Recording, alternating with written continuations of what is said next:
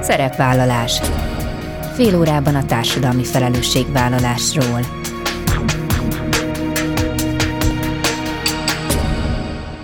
Jó napot kívánok! Bíró Bori köszönti Önöket! Adásainkban hétről hétre példákat hozunk arra, hogy egy-egy cég vagy intézmény, netán magánszemély, milyen formában, milyen eszközökkel járul hozzá anyagi gondok, társadalmi problémák orvoslásához, az életminőség javításához, a fenntartható fejlődéshez. Így módon is kifejezve, hogy felelősséget érez azért a környezetért, amelyben él és dolgozik. Évközben számtalan olyan projekt és civil szervezet mutatkozik be a műsorban, melyek biztonságos és fenntartható működése elképzelhetetlen önkéntesek munkája nélkül. Az ünnepek közelettével úgy gondoltam, Megérdemlik, hogy ezúttal ők kerüljenek a reflektorfénybe. Azok, akik úgy érzik, hogy akkor teljes az életük, ha minden egyéb elfoglaltságuk mellett a szabad idejük egy részét másokra fordítják, és miközben segítenek és adnak, az önkéntes munka révén sok esetben maguk is töltődnek.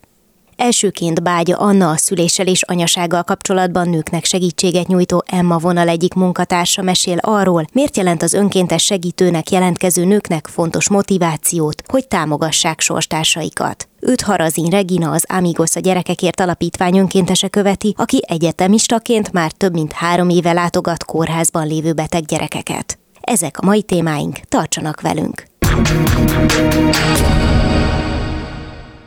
Elsősorban szüléssel és anyasággal kapcsolatban segít nőknek az Emma Egyesület által működtetett Emma vonal. Különböző programokról és kezdeményezésekről már sokat beszélgettünk itt a műsorban, de hogy úgy mondjam, húsvér önkéntes még nem volt itt a vendégem, úgyhogy most szeretettel köszöntöm Bágya Annát, aki az Emma vonal egyik önkéntese. Jó napot kívánok!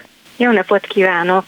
Nagyon köszönöm, hogy megosztja a tapasztalatait. Nem feltétlenül a világ legvidámabb munkája lehet az Emma vonalnál önkéntesnek lenni, ugyanakkor tudom, hogy az önkéntesek nélkül ez a vonal nem működne és nem tudna létezni. Úgyhogy én onnan szeretnék indítani, hogy nagyon kíváncsi vagyok arra, hogy Anna milyen élethelyzetben döntött úgy, hogy önkéntes lesz. Hát én vidéken laktam a családommal, amikor második gyerekem megszületett, én is nagyon elszigetelve éreztem magam, és igazából már egyetemista korom óta ismerem ezt az egyesületet, tehát tudtam a létezésükről, és velem szembe jött ez a felhívás, hogy önkéntességre keresnek embereket. Mivel egyébként eredeti végzettségem szülésznő, ezért látom azt, hogy mondjuk így a hazai ellátás, meg így az anyaság, hogy mennyire egyedül vagyunk hagyva ezekkel a gondokkal és már gyerekkoromban is én mindig, mindig szerettem segíteni így, így másoknak, tehát hogy ez így hozzám közel állt, és ennek köszönhetően igazából így bekerültem egy nagyon jó, nagyon erős női megtartó közösségbe, hogy vettem a bátorságot, és mint egyedül otthon unatkozó, persze mindenki tudjuk, hogy az anyák nem unatkoznak otthon, de hogy így otthon voltam, és már azért így mozgékonyak voltunk a kislányommal, és akkor végül is így vettem a bátorságot, és belevágtam ebbe a, az önkéntes képzésbe. Úgy fogalmazott, hogy kellett hozzá a bátorság. Miért? Mihez kellett? Hát hetente egyszer följártunk Budapestre, ugye ez több óra utazás volt, meg hát azért ez egy komoly lelki munka is kicsit, meg azért ott próbálunk ugye szituációkat gyakorolni, ugye eleinte azért így, így fél az ember, hogy milyen lesz majd egy hívás, valóban, ahogy mondta, így az elején nem könnyű esetekkel telefonálnak ezek a nők, főleg így a ugye mi abba csöppentünk bele, még a képzés elején 2019-ben kezdtem, tehát amikor mi elkezdtünk ügyelni 2020-ba, akkor jött a Covid, és nagyon tartottunk attól, hogy a bezártság az mit okoz ugye az emberekbe, és így is terjeszkedett ki az ügyeletünk, és valóban nagyon sok, nagyon nehéz eset jön a vonalra, akár bántalmazó kapcsolatból, tehát hogy, hogy a nehéz esetek miatt ugye féltünk, hogy, hogy valóban jó segítségek tudunk-e lenni mi a másik oldalon. Ugye mi a segítő beszélgetés technikáját alkalmazzuk, abszolút ítéletmentesen, és a jelenben ott vagyunk annak a nőnek a számára, akinek szüksége van ránk. Belekapaszkodnék ebbe a segítő beszélgetésbe, mert szerintem nagyon sokan vagyunk úgy, hogy terhelve családi, baráti nehézségekkel, megoldandó feladatokkal, munkahelyi problémákkal, tehát hogy nap végére úgy érezzük, hogy köszönjük szépen, de hogy most már akkor így elég volt, és eltennénk magunkat másnapra. Na most ennek ellenére, vagy hát ezt megfejelve, ugye önök tulajdonképpen vadidegen embereknek segítenek, idegen emberek problémáit, nehézségeit hallgatják meg, és próbálnak segítséget nyújtani. Nem megterhelő ez? Bizonyos szinten gondolhatunk arra, hogy megterhelő, de van nekünk szupervíziónk, ahol meg tudjuk beszélni az eseteket. Én azt gondolom, hogy minden szakmában, főleg azok, akik emberekkel foglalkoznak, nagyon szükséges ez a módszer, hogy meg tudjuk beszélni egymással, hogy kit mi hogyan érintett meg, mert ezáltal mi sem hordozzuk hosszasan azokat a terheket, hanem így le tudjuk tenni. És azért Magyarországon ez gyerekcipőbe jár, ez a szupervízió, de azért most már egyre több szakma ténylegesen alkalmazza. Ez az, ami igazából nekünk segít. De az az igazság, hogy amikor az ember ad, akkor igazából az a furcsa, hogy ezáltal az adás által mi kapunk. Tehát nekem volt olyan szituáció, amikor mondjuk egy nap három hívás volt zsinórba, tehát éppen, hogy letettem az egyiket, jött a másik, és gyakorlatilag a két órás ügyeleti időmet ez így ki is töltötte. Mindenki teljesen más problémával hívott, de egy személyes tapasztalat az, hogy nem indult gördülékeny a reggelem, össze is vesztem a férjemmel, és tényleg olyan, olyan érzések kavarogtak bennem, hogy mi értelme ennek az egésznek, van értelme a házasságnak, hogy én kilépnék ebből. Tényleg nagyon-nagyon nehéz érzések voltak bennem. Aztán a, a, nyilván az ügyelet miatt így lenyugtattam magam, hogy nekem most jelen kell lenni, ugye másoknak segíteni.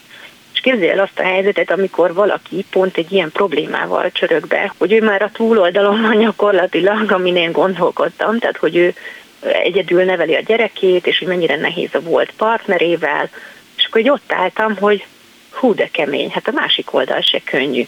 És gyakorlatilag én akkor egy nagyon nagy löketet kaptam az én személyes életembe, hogy hát azért a férjem, és akkor elmondtam neki, hogy fú, ez nagyon melbevágó élmény volt. És hogy gondoltad volna is, hogy olyan szépen meg tudtuk akkor beszélni a problémáinkat. Tehát hmm. amikor, amikor így adunk magunkból, akkor igazából nagyon sokszor az ember azt tapasztalja, hogy nagyon sokat kap vissza. Pedig igazából én segítek másnak. Ezt nagyon sok önkéntestől lehet hallani, és ebben a példában, amit említett, szerintem különösen érdekes az, hogy egy saját élethelyzetét lendítette át egy telefonhívás, miközben valakinek meg pont ön tudott segíteni. Egyébként egy picit még a segítő beszélgetés műfajáról, hogyha beszélne, hogy ugye említette, hogy itt nagyon fontos, hogy nem ítélkeznek. Mire kell gondolni, amikor valaki felemeli a telefont, bejelentkezik a problémájával, az élethelyzetével, akkor önök ezt meghallgatják, és mi történik? Kérdéseket teszünk fel, amivel igazából az ő erőforrásait térképezzük föl, neki segítve hogy hogyan tud ő előrébb lépni a helyzetében, hogyan tudja megoldani tulajdonképpen azt a problémát, amiben benne van. A kérdéseink által így együtt gondolkodunk. Van, akinek igazából nincs erre szüksége. Volt olyan hívás is, amikor valaki így fölvettem, nem először telefonált, már több egyére, és csak mondta, mondta, mondta, mondta. És neki csak arra volt szükség, hogy valaki meghallgassa. És akkor nyilván jelzem, hogy hallgatom. Próbálok hozzá kapcsolódni, próbálok neki visszajelezni de sokszor ugye az van, hogy egyedül vagyunk anyák otthon, mert nyilván a férjünk eljár dolgozni, kicsik a gyerekek, és hogy nem, tehát ami régen volt, hogy a nagycsaládok ugye együtt éltek, elszeparálva vagyunk. És tulajdonképpen ez a vonal ezt is helyettesíti kicsit hogy van hova telefonálni, hogyha nagyon egyedül érzed magad, ha nagyon elveszettnek érzed magad ebben az egész anyaságban. Nekem már korábban is, hogyha egy szóval kellett volna jellemeznem az Emma vonalat, akkor a szolidaritás jutott volna eszembe, de az alapján, amit mesél, ez számomra még inkább megerősödik, mert hogy itt tulajdonképpen nők segítenek nőknek, és ugye azért jó sokszor lehet azt hallani, hogy a nők nem támogatják egymást, irigyek egymásra, stb. stb., és hogy ez ennek pont a szöges ellentétét mutatja. Igen, itt tényleg egy ilyen ítélkezésmentes kapcsolódás valósul meg a hívó és az önkéntes között. Tehát tényleg bátran lehet telefonálni, mert megpróbáljuk támogatni azokat, akik ugye egyedül vannak. Hát mi is mindannyian édesanyák vagyunk, tehát az feltétele az önkéntességnek, hogy legyen ilyesmi saját jellegű tapasztalatunk, ugye, hogy nyilván úgy, úgy tudunk igazán együtt érezni egymással, hogy tudjuk, miben van benne a másik. Persze enélkül is lehet alapvetően, de aki megélte azt, hogy milyen egy kisbabával egyedül, hogy tulajdonképpen az a nagy felelősség, ami ugye ránk szakad ilyenkor, az tud igazán segíteni szerintem. Az olyan gyakorlati tudnivalókra lennék kíváncsi, hogy mennyire nehéz például a mindennapokba beilleszteni az önkéntes munkát. Nyilván nem egyszerű, meg előre kell tervezni, de alapvetően havi két ügyelet a, a minimum vállalás, ami így elvárás tőlünk. Én azt gondolom, hogy egy este, vagy egy délelőtt, vagy két délelőtt, két este az előre tervezés alapján könnyen belefér az időnkbe. Nyilván az a nehéz, amikor megbetegszik egy gyermek, vagy valami elképesztő dolog közbe jön, de igazából mi önkéntesek is segítjük egymást, amikor aznap ír valaki, hogy ne haragudjatok, de tényleg akkora kálvárja van, hogy nem tudom vinni az ügyeletet. Valahogy mindig kisegítjük egymást és senki nem bántja ezért a másikat. Tehát, hogy mi magunk az önkéntesek is egy nagyon, én egy nagyon biztonságos környezetnek, vagy közösségnek érzem. Tehát, hogy bátran lehet kérni egymástól, sőt önkéntesként is volt olyan, hogy egyikünk másikunk betelefonált, vagy akár egymást fölhívtuk, hogy most szükségem lenne, hogy valaki így meghallgasson. Szóval ez egy nagyon, tényleg egy nagyon összetartó csapat, meg ez az elfogadás, ítélkezésmentes közeg, amit tudunk biztosítani, ez, ez egy ilyen biztonságot adó érzés. Minden szempontból ez egy megtartó közösségnek tűnik így kívülről nézve is, hogyha hallgatnak minket olyan anyukák, akik mondjuk kedvet kapnak, akkor miért javasolná a csatlakozást? És hogyha elvonatkoztatunk az Emma vonaltól, akkor úgy sejtem nem bánta meg, hogy belevágott az önkéntes munkába. Miért javasolja bárkinek, hogyha gondolkodott eddig, de mondjuk nem tett lépést annak irányába, hogy önkéntes munkát vállaljon, miért jó ezt csinálni? Hát elsősorban szerintem ez egy ilyen picit így magunknak is egy ilyen fejlődési lehetőség. Sokan ugye anyák az anyaságunkban, hogy ugye otthon vagyunk, keressük az utunkat, és sokakat ismerek olyat, akit a, a vonalon önkénteskedett, és közben láttam, hogy hogyan találja meg az útját. Tehát ez egy ilyen önmunka is, és sokan segítő szakmában helyezkednek el akár. A másik az, hogy szerintem, hogyha anyaként otthon vagyok, és van egy ilyen plusz elfoglaltságom a gyermek mellett, ahol én is fontosnak érzem magam, az nekem is ad, hogy én másoknak adok. És ez a megbecsültség érzés is hozzátartozik ajándékként ehhez a munkához. Hogy fontos vagyok, hogy fontos, hogy segítek, és értékesebbnek is érzem akár így magam, hogy tettem másokért. Például ezért is szerintem nagyon jó ide tartozni.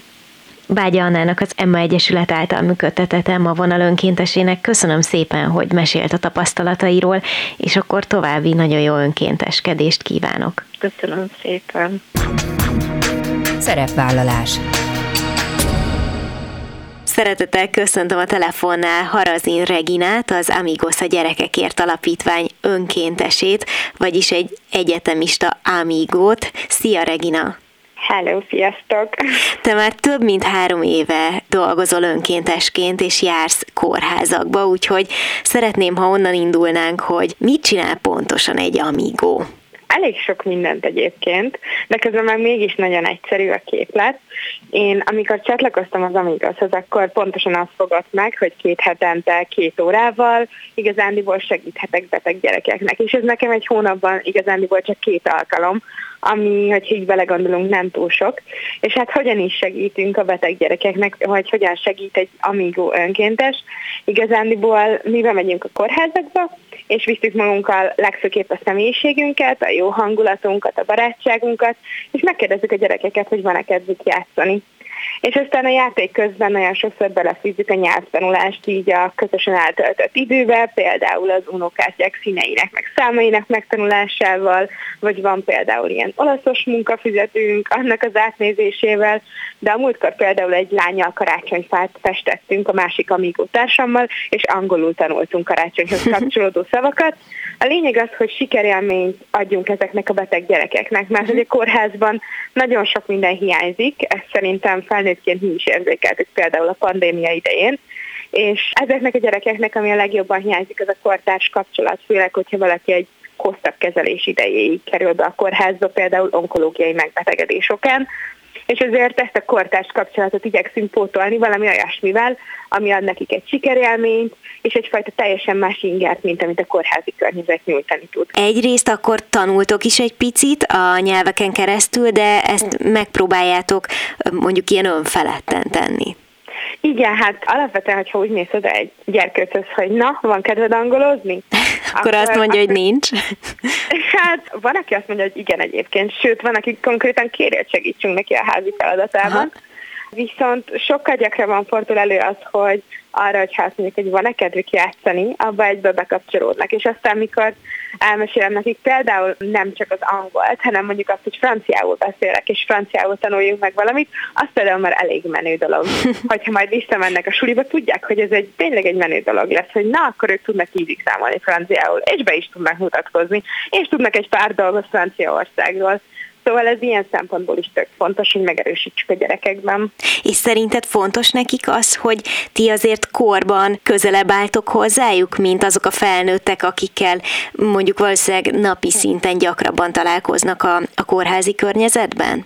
Szerintem abból a szempontból mindenképp, hogy mi is úgy megyünk oda, mint hogyha ilyen játékos nagy tesók lennénk, és egyfajta barátsággal, és hogy mindenki egyfajta komolysággal fordul feléjük a betegségükből fakadóan, és mivel ez a feladatuk, hiszen a szüleiknek is teljesen más a feladata, az orvosoknak és az ápolóknak is más a feladata, nekünk tényleg csak annyi a feladatunk, és annyi a célunk, hogy a barátjaikkel váljunk. És ez az, ami szerintem nagyon fontos így az amígóságban, vagy ami a gyerekeknek nagyon sokat adhat, hogy mi nem szeretnénk nekik megmondani, hogy most milyen gyógyszert kell bevenni, hogy meddig kell benn maradni a kórházba, hogy azért most inkább feküdjenek le, hanem ezek során, a kórházi foglalkozások során mi próbálunk mindig arra figyelni, hogy a kontroll az a gyerekek kezében legyen, hiszen ilyenkor ezt nagyon könnyen elveszítik, és nagyon fontos, hogy érezzék azt, hogy a saját életük felett itt a kórházi szétcsúszó hétköznapok során is van egyfajta irányításuk és lehetőségük hogy itt például velünk játszanak, és hogy mit játszanak, és hogyan játszanak. Szóval szerintem ilyen szempontból mindenképp előnyt jelent, hogy nálunk csak annyi a célunk, hogy barátkozzunk, és játékos nektesók legyünk mellett. Hát igen, ilyen szempontból könnyű a dolgotok, mert gondolom, hogy amikor ti felbukkantok, az nekik egyet jelent azzal, hogy valami jó történik, ami valóban tulajdonképpen szinte mindegy, hogy miért kerül valaki kórházba, hát az gyerekként biztos, hogy semmiképpen sem tud alapvetően egy jó élmény lenni. Igen, és nagyon sokszor van, hogy várnak a gyerekek. Nekem a legtöbb kedves emlékem ehhez fűződik. Például volt egy kisfiú, aki minden kórházban van ilyen kórházi plakát, és ki van írva, hogy melyik napokon járunk, és a kisfiú ebéd után kiállította az anyukáját az ajtóba, és mondta, hogy akkor most figyelj, hogy mikor jönnek az amigok, hogy hozzám biztosan bejöjjenek. És ez egy annyira pozitív érzés, mert hogy mi abban hiszünk, hogy a gyerekeknek nem csak egy-egy emberhez fontos kötődniük, hanem egy közösséghez, és mi amígóként egyébként egymás barátai is vagyunk. Én tudom azt, hogy kikkel járok egy kórházba egy fél éven keresztül, velük van közösen szupervízió, velük együtt járok csapatépítőre, és ez nagyon fontos a gyerekek szempontjából is, hogy igazándiból az összes amígó a barátjuk, és bárki is megy be hozzájuk holnap vagy holnap után, ismerni fogja őket azokból a közös beszámolókból, amiket egymásnak mondunk. Meg szerintem itt egy nagyon fontos faktor, pont annál, amit mondtál, hogy nagyon nehéz gyerekként kórházba kerülni, az is, hogy tőlünk is nagyon sokszor megkérdezik, hogy ez mennyire megterhelő. Hát épp ezt akartam kérdezni, hogy találkoztál-e már ezzel a megközelítéssel, hogy nem nyomasztó-e beteg gyerekekhez járni? Egyébként ez, ez mindig az első kérdések között van, és amúgy teljes mértékben megértem, hogy miért, én is nagyon feltem tőle eleinte, hogy őszinte legyek, sőt a legtöbben egy kicsit tartunk, mert hát nekünk személyesen minden embernek, hogyha belegondolunk azért a kórházzal, nem biztos, hogy életünk legönfelettebb pillanatai jönnek szembe. Viszont ami nagyon izgalmas, hogy mi úgy tekintünk a gyerekekre, hogy gyerekek, és nem beteg gyerekek, persze szem előtt kell tartani a tüneteiket, és hogy mire kell odafigyelnünk nekünk, mint önkéntes segítők, hogy tényleg segíteni tudjunk.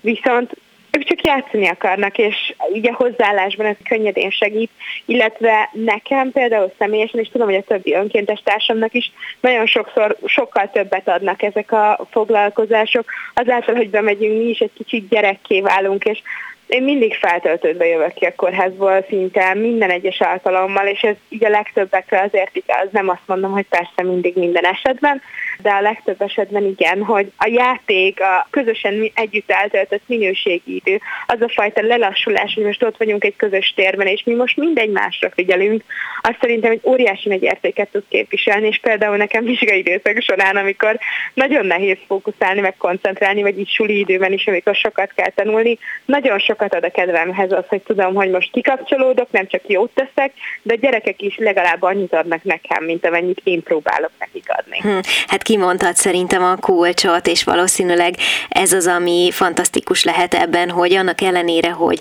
alapvetően a kórház az egy nehéz terep, de mégis úgy jössz el onnan minden, szinte minden alkalommal, hogy, hogy azt érzed, hogy feltöltött. Egyébként te a tanulmányaid során is valami egészségügyel kapcsolatos dolgot tanulsz, vagy ez teljesen más? Hát én eh, közgazdász is voltam, közgazdász is vagyok, mivel le is diplomáztam, viszont pont az, amíg azon eltöltött idém során jöttem rá arra, hogy én nagyon szeretnék így emberekkel foglalkozni, még jobban, úgyhogy én most elkezdtem pszichológiát is tanulni mellette, és amúgy nem én vagyok az egyetlen ilyen karrierváltó. Van, aki emiatt gyógypedagógiára váltott, most például kettő önkéntesünk kezdte el a gyógypedagógiát, úgyhogy előtte bölcsészkaron, illetve informatikát tanultak, szóval hogy ez, ez azért előfordul, de nekem például az ebben egy hatalmas motivációs faktor volt, és pont azokon az alkalmakon, amikről itt beszéltünk, hogy amikor nem olyan könnyű, azokra amúgy van szupervíziónk havonta csoportban, illetve van egy pszichológus védőháló is, és hogy például nekem az, az Amigos, meg az önkéntesség nagyon sokat segített így a mentális egészségemben az, hogy tudom, hogy van egy közösség, akikhez tartozom, hogy vannak rendszeres közösségépítő eseményeink, hogy igazándiból azok az értékek, amiket közösen vallunk, hogy számíthatok a többiekre, hogy rugalmasak vagyunk, csapatjátékosok, ez mind-mind olyan dolog, amik így azt a fajta bizalmat adják nekem, hogy oké, okay, bármi is lesz, mindig tartozok egy közösséghez, és mindig van valami, amiben hasznosnak érezhetem magam. És ők meg támogatnak engem viszont, szóval akár a szervezet, vagy éppen a többi önkéntes társam. Még arról mesélj, így az ünnepek idején készültök több meglepetéssel is a gyerekeknek, és ha jól tudom, akkor ez a szervezet életében is egy fontos időszak, úgyhogy kérlek erről mesélj még, hogy hogyan zajlik nálatok így a karácsonyi időszak szerencsére nagyon sűrűn, ami az egyik ilyen nagyon izgalmas dolog, hogy karácsonyi ajándékokat küldünk a gyerekeknek minden évben gyereknapon és karácsonykor is, és ez most sincs másképp. Pont a mai napon vette fel a futárszolgálat egyébként ezeket az ajándékokat, és itt több ezer ajándékról beszélünk, szóval én, ha jól tudom, most az idei évben közel 3500 ilyen ajándék megy kórházban gyógyuló gyerekeknek, Magyarország közel 40 kórházába, és ebben vannak persze játékok, de azon kívül vannak olyan fejlesztő tanulós eszközök, amiket mi készítettünk. Ezeket egyébként amígok csinálják, ilyen például a nyelvi kavalkád munkafüzet, aminek az a lényege, hogy 16 nyelv különböző szavaival, feladataival ismerkedhetnek meg a gyerekek, de van benne küldetésfüzet, és hát ilyen kis memóriakártya is, amiben pedig 16 országnak az állatait ismerhetik meg a gyerekek. Szóval ez, ez egyfajta ilyen amigos misszió, amigos cél a játékos tanulás eljuttatása tényleg minél több kórházba kerül gyerekhez, mert itt nem csak a játék a lényeg, hanem az is, hogy ott valami hasznos dolgot találjanak. Illetve ami szerintem még nagyon különleges idén karácsonykor, hogy a kórházakban Mikulás műsort fogunk tartani, és ezzel a gyerekeknek pedig egy pár idegen nyelvi szót taníthatunk meg. És gondolom, hogy ezeknek a gyerekeknek, akik pont ebben az időszakban vannak kórházban, ezek a plusz élmények, meglepetések nem is kifejezetten az ajándék maga, hanem az, hogy számíthatnak arra, hogy valaki meglepi őket, az különösen sokat jelent. Igen, meg egyébként, amiről nagyon sokan szerintem elfeledkeznek ebben a helyzetben azok a szülők. És hogy eleve a karácsony az mindenkinek egy érzelmileg felfokozott állapot, és abban az esetben, hogyha még otthon van az egész család, és van amelyik szülőnek bent kell lennie mondjuk a gyerkőccel, akkor ez egy nagyon nehéz helyzet. És hogy ilyenkor ez egyfajta könnyebbséget tud adni, hogy ott van egy ajándék akár a gyerekeknek. A látogatásaink alkalmával például ez egy nagyon gyakori megélés, hogy a szülők borzasztóan hálásak, hogy lemernek megint menni egy kávét, elmehetnek zuhanyozni, mert mi addig ott vagyunk a gyerekekkel és figyelünk rájuk. Szóval közvetetten azért ez is egy nagyon jó érzés, hogy tudjuk, hogy őket is tudjuk egy picit így érzelmileg tehermentesíteni ezekkel a látogatásokkal, meg remélhetőleg ezekkel az ajándékokkal is. Nagyon szép ünnepeket kívánok az egész csapatnak, és köszönöm szépen, hogy meséltél az önkéntes munkáról Harazin Reginával, az Amigos a Gyerekekért Alapítvány egyik egyetemista önkéntesével beszélgettem. Köszönöm szépen. Én is nagyon köszönöm.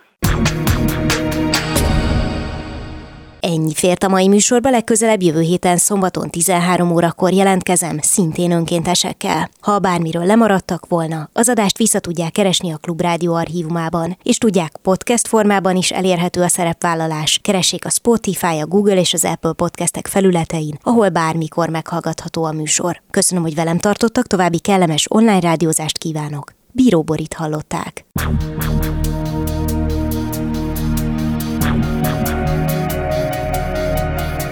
A Szerepvállalás című műsorunkat hallották.